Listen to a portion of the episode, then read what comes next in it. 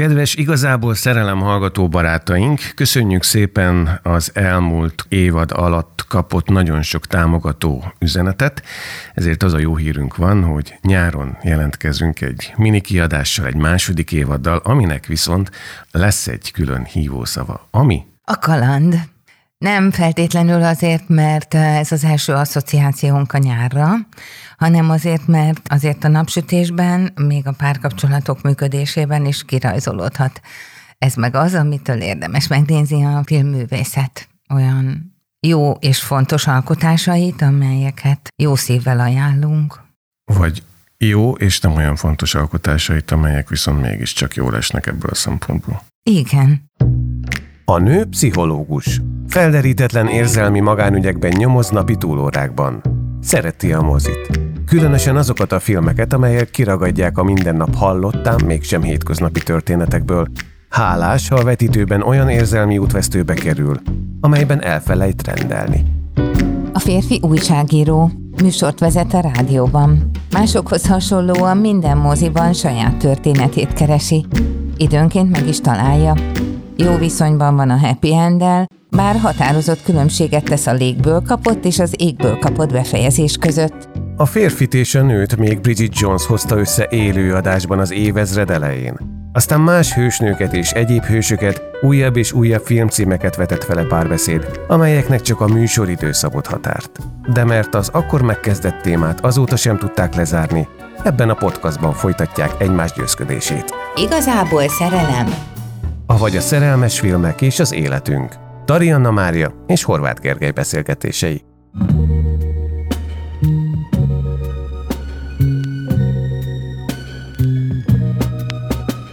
A 19 éves Lucy a festői Toszkánába repül egy bohém tanyára, hogy elhunyt anyja egykori művész barátai között töltse a forró nyarat, és közöttük talán meglejje igazi apját, és a szerelmet is. Lopott szépség. Bernardo Bertolucci filmje az ártatlanság elvesztéséről 1996-ból. A főbb szerepekben Liv Tyler, Jeremy Irons, Jean Marais és Rachel Weisz. Többek között. Ha egy pszichológust kérdezel, azt mondja, hogy Érzelmek, érzékiség és a szüzesség nehéz elvesztése.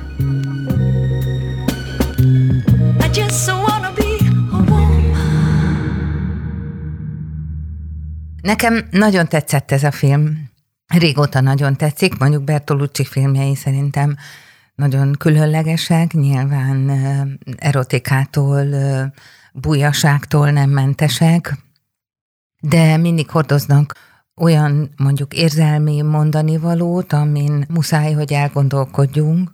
Mondhatnám egyszerűen, hogy ez egy fiatal lány önmagára találásának a története, amiben annak ellenére segíti őt a bohém felnőttek jelenléte, hogy nem is gondolnánk, hogy egy ilyen látszólag gátaktól, gátlásoktól mentes felnőtt csoport nyilván csak eltántorítani tudja őt attól, amit tényleg keres, de hát azt látjuk, hogy éppen ellenkezőleg valószínűleg valahogy kontrasztot képeznek azzal, ami Lucy fejében, vagy mondjuk érzelmeiben igazán van, tehát nem csúszik bele olyan szituációkba, ahol elveszthetné ugyan a szüzességét, mint ugyan legfőbb szimbólumát a gyereklányságnak, aminek az elvesztésével át lehetne lépni a már majdnem nő vagyok státuszba, de hogy nem adja oda magát olyan helyzetekben olyan fiúknak vagy férfiaknak, akik bizony nagyon erősen vetődnének rá, mert fölismeri még gyakorlatlanul és tapasztalatlanul is valahogy azokat a helyzeteket, amiben jó, ha hallgat a belső megérzéseire, ami jelzem pszichoterápiás órákon is nagyon sokszor elhangzik, az én számból is sokszor elhangzik, hogy van az a helyzet, amikor az embernek csilingelnek. Benne a fejében, nem azért, mert nem szedi a gyógyszereit, hanem azért, mert fontos belső érzelmi jelzés jön egy szignál, hogy hú, hú nem kéne ebbe a helyzetbe belemenni, akkor ezekre a helyzetekre figyelni kéne, és a, a csilingelő hangokra is figyelni kéne és látjuk, hogy Lucy így vagy úgy, de egyébként a kis csengetjükre figyel. Hát igen, ő igen, de senki más a környezetében meg lett volta ellenére nem. Tehát azt látni, hogy ebben a társaságban senki nem figyel a belső hangokra, majd, majd hogy nem tulajdonképpen. Nem csak, hogy bohém társaság, hanem hát érzelmileg nem, nem egy felkészült közösség?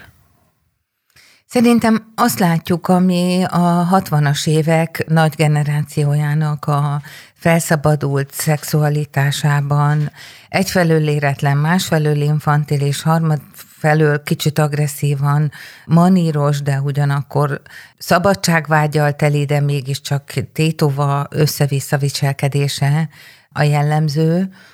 Szerintem sok ilyen film született így a 70-es, 80-as évek tájékán, amik arról szóltak, hogy bizonyos helyzetben majdnem kommunát alakítva a felnőttek nagyon gyakran együtt tanyáznak helyeken, oldódnak, igen, oldódnak bizonyos gátlások, és tud ez belterjessé válni, tudnak lemenni együtt mesztelenül a medence partjára fürdőzni, ahol úgy van háttérbe szorítva a testiség, mintha az egy semmi lenne, és közben ott beszélgetnek, de közben mégiscsak van valami szétesettség ebben az egészben, és látjuk a film végére, hogy, a, hogy az anya, akinek ezt össze kéne tartani, a Lucid fogadó házaspárnak a nő tagja, aki az legstabilabb nőnek tűnik mondjuk úgy az egész kompániában, hogy ő dönt úgy a film végére, hogy neki ebből elege volt, ő hazamegy, és valószínűleg azért, mert jó egy ilyen helyzetben lenni valószínűleg egy darabig, felszabadítólag hat, hogy, hogy azt csinálsz, amit akarsz, de ha mindenki belefullad valamiféle tehetetlen, jó érzést kereső, de mégis passzív állapotba, akkor abból nem nagyon lehet valami jót kihozni. Így látjuk azt, hogy fura módon nem az épkézláb emberek, hanem a haldokló író Jeremy Irons személyesít meg vagy játszik el, ő az, aki aktívan megpróbál, mint egy pótapa szerepet felvéve, de csak a finom udvarlás után, segíteni Lőszínek.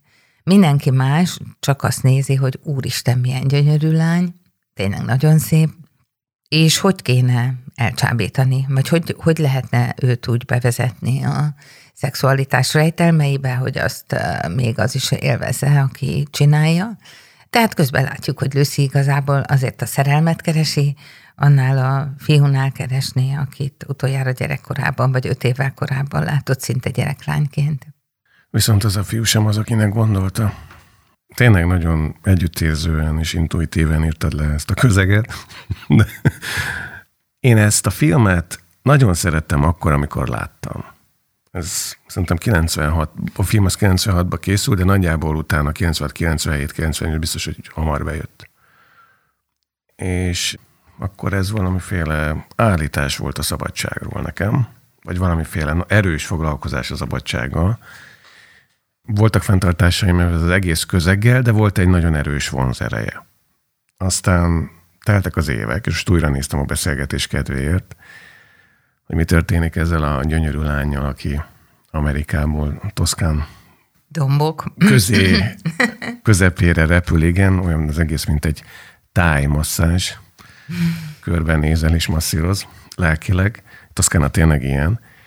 És hogy itt mi történik akkor, hogyha ugye minden szabad, és ráadásul művész közegben van. És egészen másképp esett ez a része a filmnek. És hogyha nem emlékszem arra, hogy a végét azért bírtam, akkor nem tudom, hogy végig tudom-e nézni. Szóval nagyon-nagyon stobaságok hangzanak ebben a filmben. Felnőtt emberek szájából. Például? Hát figyelj, engem szívem ütött uh, például Jeremy Irons jelenet. Emlékszel, amikor Lucy oda megy a fejében egy négy, négy évvel ezelőtti ugyanott való találkozással egy fiúval, akivel aztán elkezdtek levelezni. Uh-huh. Ugye ez a sztori. Uh-huh. Miközben az igazi apját keresi, ott fogant 20 évvel ezelőtt, aközben azért ez a négy évvel ezelőtti történet is jár a fejében. De mindenki rárabol valamilyen módon, a maga finom vagy brutálisabb módján, vagy nevetségesebb módján.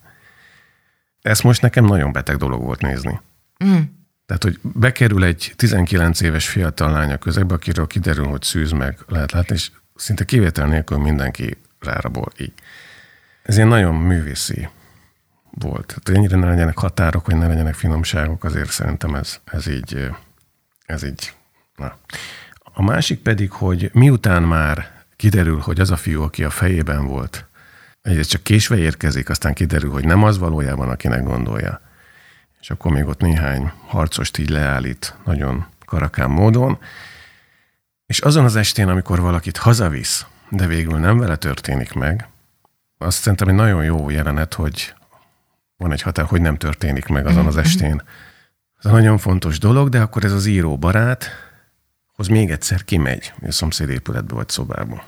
És akkor mondja neki, ez a haldokló Jeremy Irons, hogy tedd meg, tedd meg. És ő nem teszi meg, de ez a tedd meg, ezeken mondja, annyira egyszerűen fájt. Miért? Miért tegye meg? Hát ki az a fiú, aki, aki ott van a szomszéd szobában? Egy részeg angol, akit aznap este föl, hát nem fölcsipett, hanem valahogy így összejöttek. Szimpatikus rác. Ó, de hát neked akkor lenne igazad, hogyha Jeremy Irons látta volna, hogy ki van abban a szobában. Nem, szerintem nekem mindenképpen igazam van. Mert... Hát arról azért én tennék. Szóval én értem, hogy Bertolucci filmjei nagyon megcélozzák az ember bizonyos érzékeit, de kicsit tudod, mi jutott eszembe Goldoni nyaralása. Van az a, az, az életkor, mondjuk 45 és 55 között, vagy 40 és 60 között, amikor felnőttek egy csoportja, hogyha mondjuk egy, ezt az író ki is mondja, hogy egy gyönyörű helyen végül is tanyázik, bizonyos időt együtt töltenek, kvázi nyaralás. Ugye ebben jelen pillanatban, akit látunk a filmben, egy házas pár a két saját gyerekével, a haldokló író, a nagypapa, aki egy nagyon híres esztéta, vagy műkereskedő. Műkereskedő. Igen, Jean-Marie.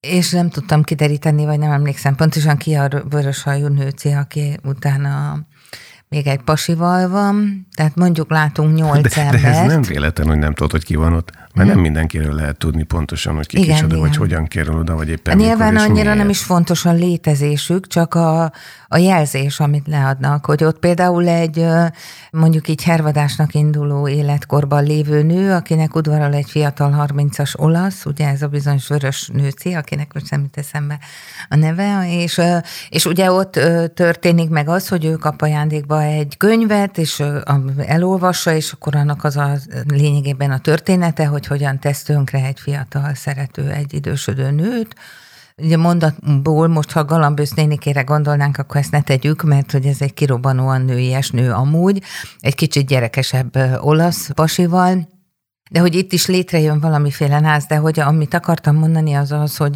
ennek a filmnek az egyik nagyon markáns lélektani vonala szerintem az, hogy egy kicsit unatkozó csoportba egy dinamit vetődik és felkavarja a csoportnak a dinamikáját. Ahogy az előbb fogalmaztál, hogy mindenki rávetődik, vagy ráröpül, az tulajdonképpen nem szól másról, mint hogy a csoport elmélettel próbáljuk értelmezni a filmet, akkor a film felnőtt szereplői ott olyan semmittevős, nyári nyugodt állapotban töltik a heteiket, amikor nem történik igazából semmi, nagyon beszélgetni is ugye nincs miről pár hét után, és ekkor, ha megérkezik egy hambas 19 éves, akkor az a lényével, ahogy ő kinéz, amilyen alakja van, ahogy sugárzó a szépsége, ahogy egy betűt nem kell mondania, már felvillanyoz mindenkit, és óhatatlanul beindítja az addig passzív csoportnak egy olyasfajta érzelmi működését, amiben mindenkiből kitör a saját erotikája. Ezt teljesen értem, és majd elmondom, hogy, hogy mégis miért működik nálam ez a film. Én csak azt akarom mondani, igen, hogy egy jobb filmet lehetett volna ebből csinálni. És engem most így második nézésre, ami teljesen leapasztott, ez a, ez a nagyon nagy butasága ennek a csoportnak. Már, hogy mondjam, érzelmi butasága. Vagy én fogalmazok így, hogy érzelmi, nem is butaság, ez éretlenség. Nehogy azt hitt, hogy manapság, ha ugyanilyen nyolc embert összeszedsz, és lerakod őket bárhol, nyolc művész. Balaton felvidéktől kezdve az akárhol, hogy nem ugyanez történik, lehetséges, mert ugyanez történik. Lehetséges, de most néztem, ilyen, ilyen furcsa jelenetszövések vannak, hogy van olyan jelenet, ami nyilvánvalóan nem a megírt elejénél kezdődik, mert mintha értelmetlenül belecsöppennénk egy adott szituációba random, majd a, a következőnél meg nagyon fontos lesz, hogy mi volt az ok okozatisága az előzőekkel, tehát ilyen kicsit ilyen furcsa vágása van a filmnek, de így mondjuk fönnmarad egy olyan tempó, ami, ami izgalmas, és van benne egy dinamika. Tehát van olyan érzésem, főleg amikor az első, először láttam, hogy most, most el fogja veszíteni, most meg fog történni, most nem tudom micsoda. Tehát folyamatosan ugyanis megy bele ezekbe a határokba, meg a határszélekre. Mindenkivel. Tehát ő nem az, aki egy két lépéssel megtartja, hogy ez nem így kell, hanem nagyon is benne van ezekben a jelenetekben. Valamilyen módon gondolom ez... Mm, szerintem mm, Szerintem tévedünk, ha erre a vonalra koncentrálunk csak, mert a másik vonal sokkal erősebb. Kideríteni, gondolsz? hogy melyik a, ki az apja. Igen, de szerintem... Az nem. anyja elvesztése. Igen, erről beszéljünk, de ez azért fontos nekem, mert ez a film azért nagyon működik mégis, nálam legalábbis, mert ebbe a közegbe, mondom, hogy szerintem szörnyű, beleérkezik ez a 19 éves lány, és az egész végén tulajdonképpen azt látjuk, hogy ő lesz a legfelnőttebb. Hát igen, mert a csoportban betöltött dinamikus szerepe valamelyest szét is robbantja ezt az egészet. Megnézhetjük így is, hogy nézd, van ott egy házas pár. Utóbb a film végén kiderül, hogy a férj egyébként Lucy apja. Tehát ott ahhoz képest, hogy tudjuk, hogy a feleség is egy Amerikából jött nő, aki elhagyja a hazáját, hátrahagyja, és Toszkánába jön ezzel a szobrász pasival, és lesz két gyerekük, ugye egyszer nem tartózkodik otthon, akkor jön Lucy anyja, aki költő, és akkor létrejön valamiféle szex, és akkor ebben fogan Lucy, szóval, hogy a, ahova ő érkezik, és a nevelő apja lényegében küldi, hogy egy portré készüljön róla, az egy olyan gesztus, amiben lényegében a film végén értjük meg, hogy a saját apjához érkezik, Igen. hogy végre szoborba formálja őt, vagy szoborrá formálja, mint ahogy az anyja és ő kisdetként a karján szintén ott szoborként ott van a kertben, de hogyha a házaspárt nézzük, akkor ugye ülnek egy óriási titkon, főleg a férfi, hogy ő Lucy apja, a feleség nem tud erről a megcsalásról. Van két gyerekük, az egyik egy lány, akit látunk, ugye ő Rachel Weisz, aki egy, mint utóbb kiderül, valójában egy nős pasival kavar, aki jól ott hagyja őt. És a nő előző házasságából való lány. Igen, de hogy őnek is nős pasi a szeretője, akivel a szerelem igen viharos, aki pasi egyébként rávetődne tényleg Lucyre, de legalábbis infantilis szexuális játékokat szívesen játszana. Ott az öccse, aki közös gyerek, egy nagyon szép fiú, aki hát úgy ránézésre mondjuk 20 és 25 között lehet, fogalma nincs, hogy ki akarna ő lenni. Na, ez a család. Akkor ott van Jean-Marie, a műkereskedő. műkereskedő, egykori műkereskedő, egykori műkereskedő, aki némiképp Alzheimer kórral, és hogy hívják azt, amikor mi alvajáró állapotában néha sétál, éjszaka nem nagyon tudja felfogni már a külvilágot, úgyhogy ő képvisel valamiféle szülői tekintét, amennyiben, hogyha egy asztalnál azt mondja, hogy elég volt, akkor fölállnak és hazaviszik. És ezen felül van ugye az a rokon nőci, meg az a, tehát hogy mindenkinek az élete látszik hirtelen, hogy amúgy nem azt akarom mondani, hogy egy totál csőd, hanem hogy minimum azt lehet mondani, hogy vannak benne hullámok. És amikor megérkezik egy lány, akinek ott a tabularáza még a kezében, semmi hülyeséget nem csinált, nincsenek titkok mögötte, és csak kérdőjelek vannak, akkor óhatatlan, hogy a tisztaság fényében az űrzavar kontrasztosodik, és nehezen is elviselhető. Hát a feleség mit gondolsz, miért akarja a végén hazautazni Amerikába? Miért mondja azt, hogy vissza kell mennem oda, ahova tartozom, mert hirtelen végtelenül idegen lesz neki Toszkána, de főképp valószínűleg végtelenül idegen lesz neki a férje, holott nem tudtuk, nem mondta ki, hogy ő Lucy apja, de hát mégis valami ketté törik. De azután történik ez, hogy rájön Lucy, hogy ki az apja. Igen. Tehát ez se véletlen, hogy ezután alakul ki a nőben ez a... Hát persze, hát nyilván megérzi. Hirtelen egyébként úgy tűnik a semmiből jövő igen, de hát ez, ez, ez mutatja, hogy azért a szereplők bármennyire is érzelmileg, mondjuk így passzívnak gondolnánk őket, akik a saját narcizmusukba pömpölyögve tudomást se vesznek a másikról, ez így nem igaz.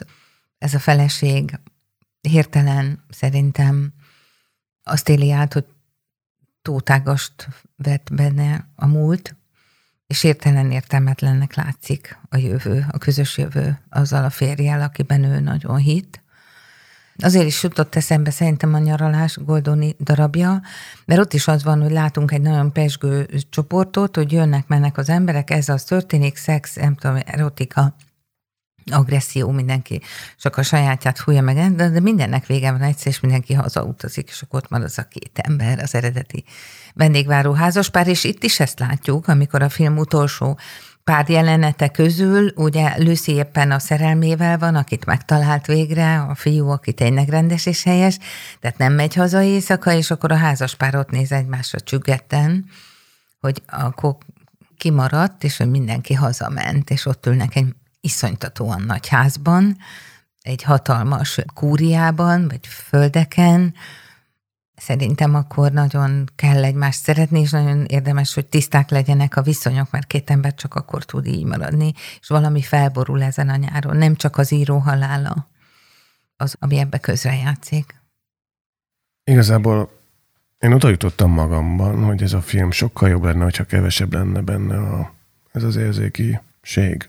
Nem érzékiség mentes lenne, csak nem lenne ez az arcba tolt, folyamatos erotika, mert minden, mindenre ráül, legalábbis nekem mindenre ráült, és már zavaróan ráült, miközben, ahogy mondtad, nagyon fontos elemei vannak ennek a történetnek, amik viszont szerintem nem, legalábbis az én nézetemben, vagy megélésemben nem jöttek ki olyan fontossággal, meg inkább erővel, mint lehetett volna. Az egyik ugye itt a gyanya szerep meg anya figura a háttérben, aki, aki meghalt költő volt, de mégiscsak hagyott hátra egy noteszt, ami hagyott nyomokat.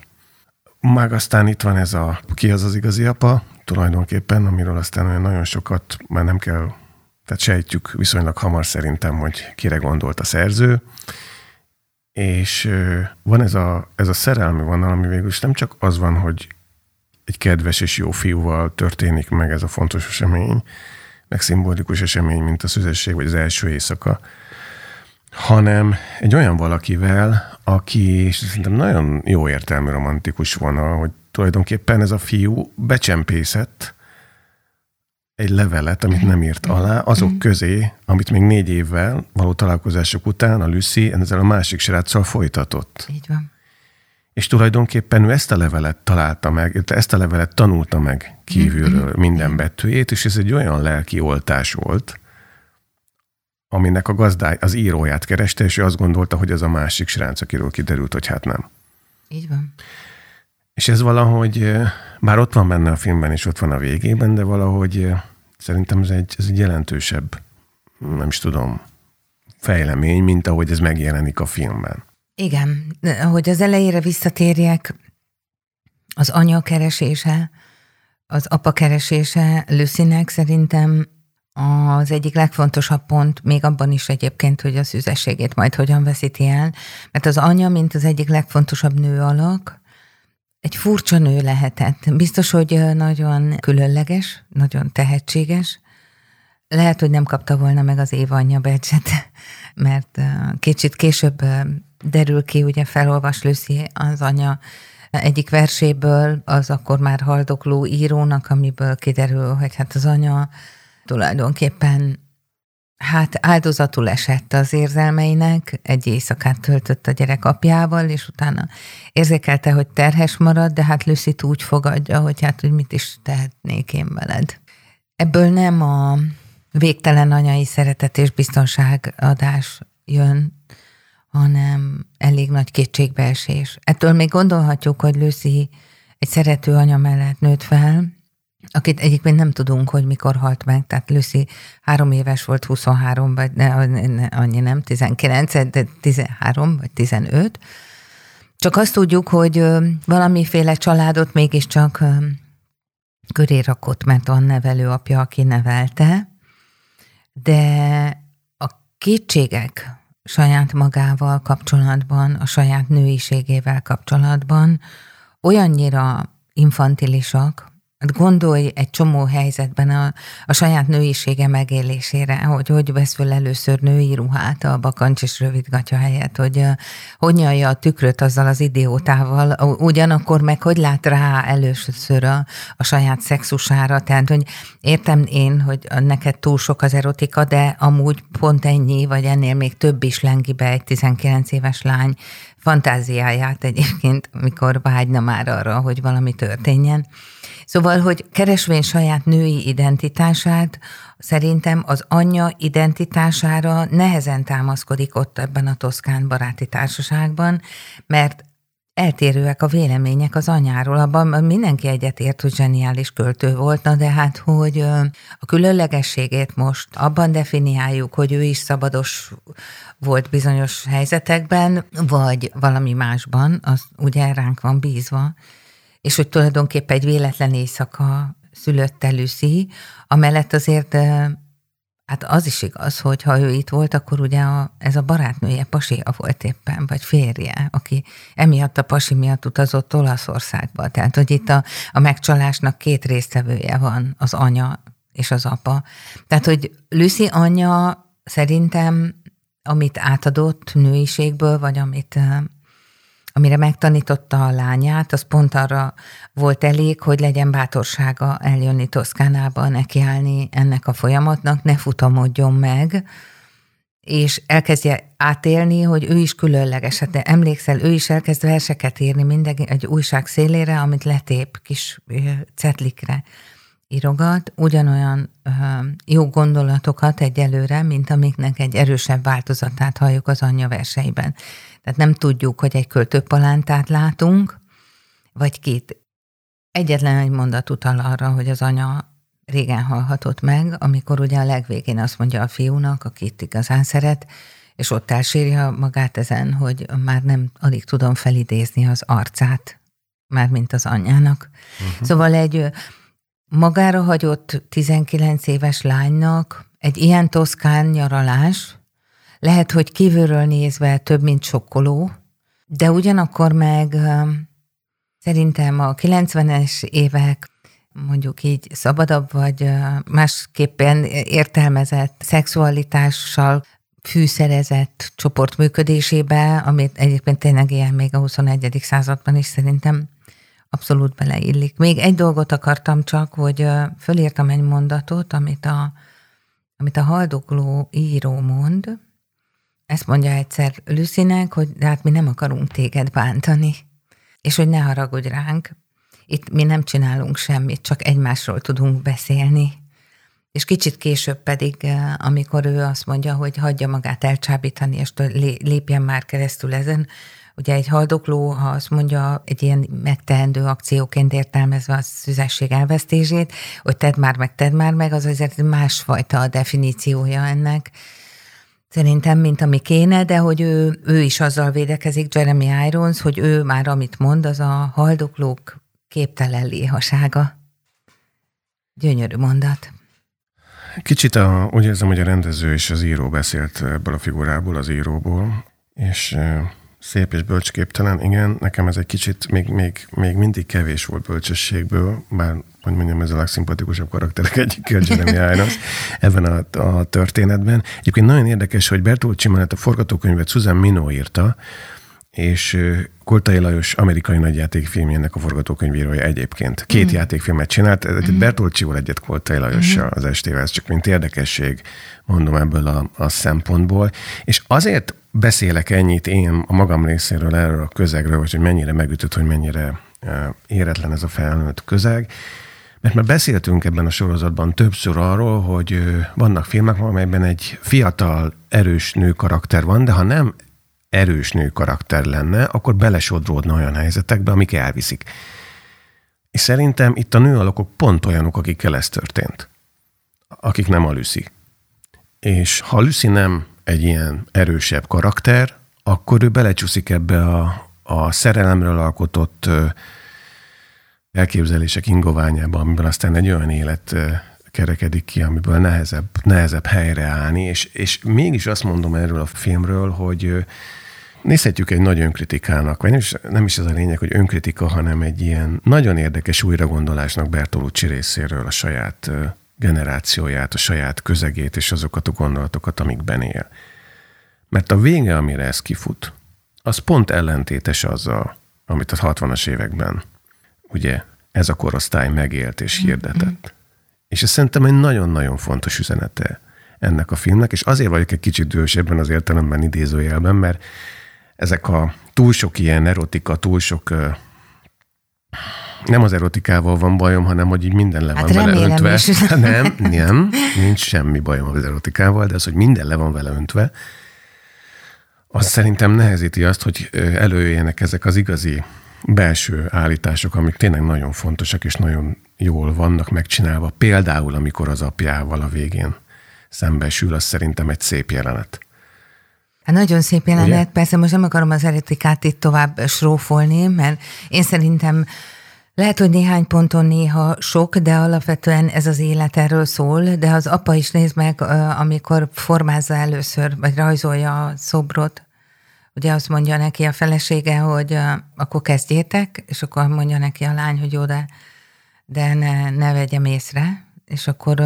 Nem, a lány azt mondja, hogy ne sokáig. Azt mondja a szórász, hogy enged, hogy nézelek. Azt mondja Lucy, hogy jó, de ne sokáig. És akkor mondja... A, nem, hogy ne apja, vegyem hogy észre, azt mondja. A művész mondja, hogy nem fogod észrevenni. Ja, jó, oké. Elhiszem neked. Minden esetre a, ugye az apai működés ezek szerint az az, hogy lerajzolja, két alkalommal látjuk, hogy rajzolja. Picit nem lehet eldönteni, hogy erotikusan rajzolja, vagy csak úgy rajzolja. És harmadjára, amikor a fa alatt befejezi ezt a mondjuk így vázlatot, akkor ott azt mondja, hogy vedd le, vedd le, a, és akkor lebuktatja ugye a fél melléről a, a ruháját, amit ott tátott szájjal néz mindenki a környéken. Én ezen a ponton gondoltam, hogy na ez egy nagyon nagy lépés Lucynek, aki ott boldogan vihog a végén, hogy ez itt nem egy erotikus jelenet volt igaziból, hanem egy, na megcsináltam, na én is megcsináltam. Helyzet, a férfit azt nem szerettem, az apát. Hogy tulajdonképpen miért rajzolja a saját lánya mellé. Ezt így utóbb gondoltam végig, hogy, hogy azért az úgy nincs teljesen Nem oké. Okay. Uh-huh. De én ezekre gondolok. Pontosan. Pont például ez, ez az egyik jelenet. Tehát amikor az, az apa, a művész apa azt kéri a lányától, hogy ejtse le a Hát igen, ez ugye úgy történik, ezt a, a világon nagyon sok művészapat teszi így, abban a hiszemben, hogy akkor ez úgy történik, hogy a, az immáron nem gyereke és nem is nő, hanem tárgyasult, megfestendő vagy megszobrászandó dolog, a modell az ott van, és már nem a lánya, hanem már csak egy tárgy, amit felskittel. Az egy másik kérdés, hogy a modell ezt hogyan éli meg, és hát látszik, hogy Lucy azonnal átfordítja valami szülő-gyerek helyzetbe. Szóval azért ott szerintem nem történik meg ez az erotikus mozzanat, amire így gondolhatnánk, hogy megtörténik. De benned is felmerül, meg bennem is felmerül, hogy ez kicsit... Ah, ez Utólag gondoltam, hogy hát már utólag e, tudjuk ez meg, így. utólag tudjuk hát, meg. Igen, Szem, igen. Mi, mi nézők. Igen, addig, addig csak az volt, hogy akkor ez a férfi is beáll azok sorába, akik valahogy látni akarják Lucy testét, aki egyébként, amikor látni lehetne a testét, mert mindenki mesztelenül fürdőzik a medence partján, akkor ugye az íróval visszamegy a házba, és nem megy oda levetkőzni csoportszinten. Igen. Bár egyszer megmutatja még Bertolucci ezek előtt a mellét, tök fölöslegesen, amikor fürdőzik a kádba, emlékszel? Mhm, igen. Inkább úgy fogalmazik, hogy lehet, hogy azért az öregből, már hogy a rendezőből megy ez a kamerák mögötti voajörködés ami azért filmrendező férfiaknál benne van. Nem, szerintem Sokszor. nem ez történik. Szerintem itt az történik, hogy bizonyos mértékű mesztelenség kvázi belépő ebbe a társaságba. Hát most a nyakig felgombolt bluesban sokkal nehezebb helyzete lenne Lucynek.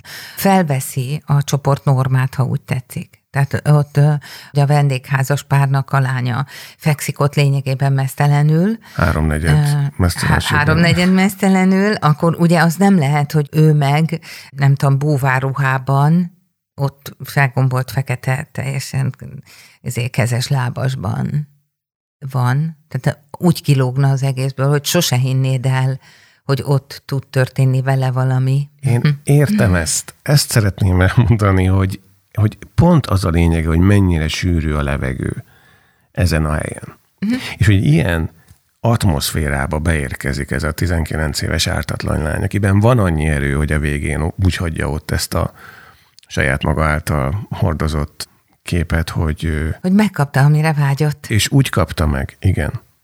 Igen. Csak azt mondom, hogy ez ebben a erotikus atmoszféra teremtésben van egy sor olyan elem, ami nem azt érzem, hogy a feltétlenül kellett, hanem azt érzem, hogy megy egy olyan típusú pászta, ami nem feltétlenül szükséges annahoz az atmoszférához, nem, vagy nem úgy, vagy nem annyi, ahhoz, hogy ez az egész erotikus része meglegyen. Viszont pont ez terel el egy kicsit attól, ami sokkal fontosabb és benne van a filmben, meg amit tulajdonképpen a film is, hogy mondjam, tol elénk, meg, meg viszi a végkifuttatás felé. Tehát azért mondom, hogy ha ez valahogy máshogy lenne erotikus, vagy másképp használná az erotikát, vagy nem érezném azt, hogy na ez a snit csak azért volt benne, mert szerettük volna megnézni ezt vagy azt a szituációt, vagy nem merülne föl bennem ez a gyanú, akkor ez egy sokkal, sokkal erőteljesebb élmény lenne az én számomra. Ami nekem erről eszembe jut, az az, hogy valószínű az okozhatja ezt az arány eltolódást, hogy, hogy folyamatosan elég nagy tételben van elénk tolva a csoport és a közeg, a bál, a, tehát az ott jelenlévő felnőtteknek egyébként az erotikája, Lucy története, és egyes emberek történetei, tehát a, a, a, hogy az íróval mennyire tudunk azonosulni. Tehát, hogy ha azt mondod, hogy Lucynek is az apakeresés és a szüzesség elvesztése az nem olyan erős szál olykor, mint ami a közeg erotikájának a megmutatása, akkor én erre azt tudnám gondolni, hogy valószínű az, hogy ez milyen erejű, azt így lehet, hogy jobban értjük. Mármint, hogy a közeg milyen erejű. A báli rész, amit említettél, az szerintem egy ilyen feléni homázs, Igen. vagy tribut volt, az az Igen. összes maga saját bolondságával együtt, az nekem ott ült, de az mondjuk a film kétharmadánál jön be. Na, de jó pillanatot mondasz, egészen odáig van nekem ez az érzésem, hogy itt egy kicsit ilyen, tehát nem, nem, nem, nem tudok ezzel a egész közeggel így mit kezdeni. És ugye van az írónak valóban fontos mondat, amit mondtál, hogy bocsáss meg nekünk, Lucy, tehát ne haragudj ránk ezért. És ez egy nagyon fontos dolog, hogy ne haragudj ránk mindazokért, amit itt látsz, és ahogy mi élünk, és amit gondolunk a világról, amit gondolunk a szeretetről, illetve a szerelemről, és ahogy megéljük és kezeljük az életünket, hogy ne haragudj ránk. Ez például egy sokkal fontosabb állítás. Mert akkor miről is van itt szó? Arról van szó például, hogy itt tehát valami olyasmiért kérünk bocsánatot, ami a egyébként a gyerekek életét, a következő generációk életét alapvetően befolyásolta. És én azt gondolnám rá, hogy igen. Mm. Így is értelmezhetjük, hogy ezért mondja, most nekem közben egy egészen prózai dolog jutott az eszembe. Van a Napsütötte Toszkána uh-huh. című regény és film, és a regény írónője, ugye ő is amerikaiként Kortónában költözik, és ott vesz birtokot, és és azt írja, hogy azért ez így, ez a, ez a térség, ez itt mindent beleng az erotika, mert hogy az élet úgy néz ki, hogy lefekszel éjjel kettő-háromkor, néhány pohár bor után, alszol 8-9-ig felkelsz könnyű reggel, de, de a siesta 2 és 5 között az így nagyon jót tesz mindennek, az érzékeknek és a szexualitásnak. Szóval, hogy aki kicsit mondjuk így bele tud gondolni abba, hogy, hogy ezt a mondjuk 40-es, 50-es korosztály, akiket látunk, meglehetősen jó anyagi helyzetben, él egy olyan életben, ahol mondjuk az erotika úgy van jelen, hogy közöttük az egy ilyen kötőanyag, és kénytelen később megtapasztalni, hogy ez kevés kötőanyagként kell, hogy legyen valami más is, mert különben ez szétesik abban a pillanatban, ahogy a, a kapcsolatok dinamikája szétdobja, mert mondjuk agresszív lesz a helyzet, vagy fájdalmas, vagy csalódást keltő, vagy kudarcot okozó. Ugye ennek a tanulási folyamatát látjuk a csoporton végigfutni. Így esik széjjel. Hajlamos vagyok azt hinni, hogy Bertolucci ezt így érzi. Hát nézd meg azt a bált, hogy mi történik. Hogy egy részeg nő pisil, miközben szidja az előző pasiát, hogy hogy különböző olyan táncos formációk vannak, hogy nagyon kellett látni benne a hű, de nagyon művészkedést, és közben az volt, hogy ó, hát jó van. Végső soron itt egy csomó ember összegyűlik, megnézik egymást, örülnek, hogy már megint találkozunk, itt egy gyönyörű a környezet, gyertyákégnek mindenhol, nagyon szép a zene, meg szép a minden, de hát látjuk Gyönyörű, aztán... értelmetlen betegjáték. Hát betegnek nem feltétlenül mondanám, de célja vesztett vagy önmagába Ez forduló dolognak. Viszont meg is látjuk azt, ami később értelmet ad a szerelemnek, hogy akivel Lucy aztán végül elveszti a szüzességét, az a fiú, az nem bent van a nagyon nagy művészkedő izében, hanem az kint ül és népzenét hallgat. Klarinétozik? Mi maga zenél? Az előtte van, hogy megtudjuk, hogy igen, ő klarinétozik, de később ő egy mandolinon népzenét játszó kis csoportban ül, és azt hallgatja, és így rohan Lucy után, hogy holnap meglátogatlak, mert Amerikába akarok menni. Igen, aki egyébként vadászik és nyulat ejtett. Igen, Emlékszel? igen. És ez csak mellékesen van benne az igen, egészben. Igen. Igen. És utána veszi észre, vagy akkor tájt veszi észre tulajdonképpen Igen. Lucy, hogy itt van egy más típusú jelenlét is. Azt akartam még kérdezni tőled, hogy ez az utolsó jelenet, ami a szüzesség elvesztése, azt látjuk filmen, már hogy nem pornografikus értelemben látjuk, de mondjuk erotikus megjelenítésben látjuk, hogy tűz mellett kimaradnak ugye éjszakára ő is a mezőn, tehát ennek is van egy ilyen múltra való ríme, és látjuk, hogy az egész megtörténés az egy, hogy mondjam, pozitív élmény, vagy örömteli élmény, hogy ezt így például nem lett volna éj erőteljesebb úgy megoldani, hogy ezt pont nem látjuk. Nem. Nem, mert van egy nagyon fontos uh, tanítás ebben. Például a 19 éves lányoknak, meg fiúknak, hogy lehet közben beszélni. Lehet azt mondani, hogy légy szíves, segítsél. Hogy nem kell bábá merevedve ilyetten hallgatni. Azt nem lehet elég korán megtanulni, hogy szex közben muszáj beszélni, mert a másik nem járta ki a gondolatolvasó tanfolyamot, és nem biztos, hogy tudja, hogy a másik mit szeretne, és az nem egy profán, vagy nem méltatlan, vagy morálisan elítélendő valami, hogyha valakik beszélgetnek. Annak örültem ennél a jelenetnél, hogy annyira egyszerű volt, annyira kedves, annyira szeretetteljes, hogy, a, hogy az erotika és a szeretet együtt volt jelen. Hogy ez a fiú nem meghágni akarta ezt a lányt, már elnézést a kifejezésért, hanem, hanem szeretni akarta úgy, hogy bevallotta, a- kicsit a végén vallja be, de hát azért addig is éreztük, hogy hát neki is ez volt az első. Tehát a két 19 éves egymást bevezette a szexualitásba kedvesen, megértően, nem bántóan. Szerintem ez így volt a legjobb.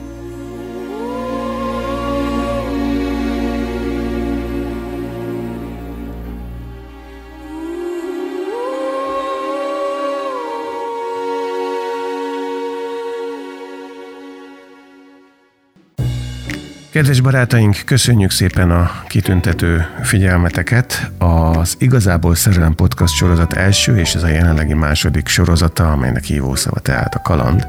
Megtalálható a Kultúrfitness különféle podcast felületein, és ide írjatok nyugodtan, várjuk, hogy milyen észrevételeitek vannak, közben dolgozunk az új terven, úgyhogy filmötleteket is várunk szeretettel. Köszönjük a figyelmet! Köszönjük bizony!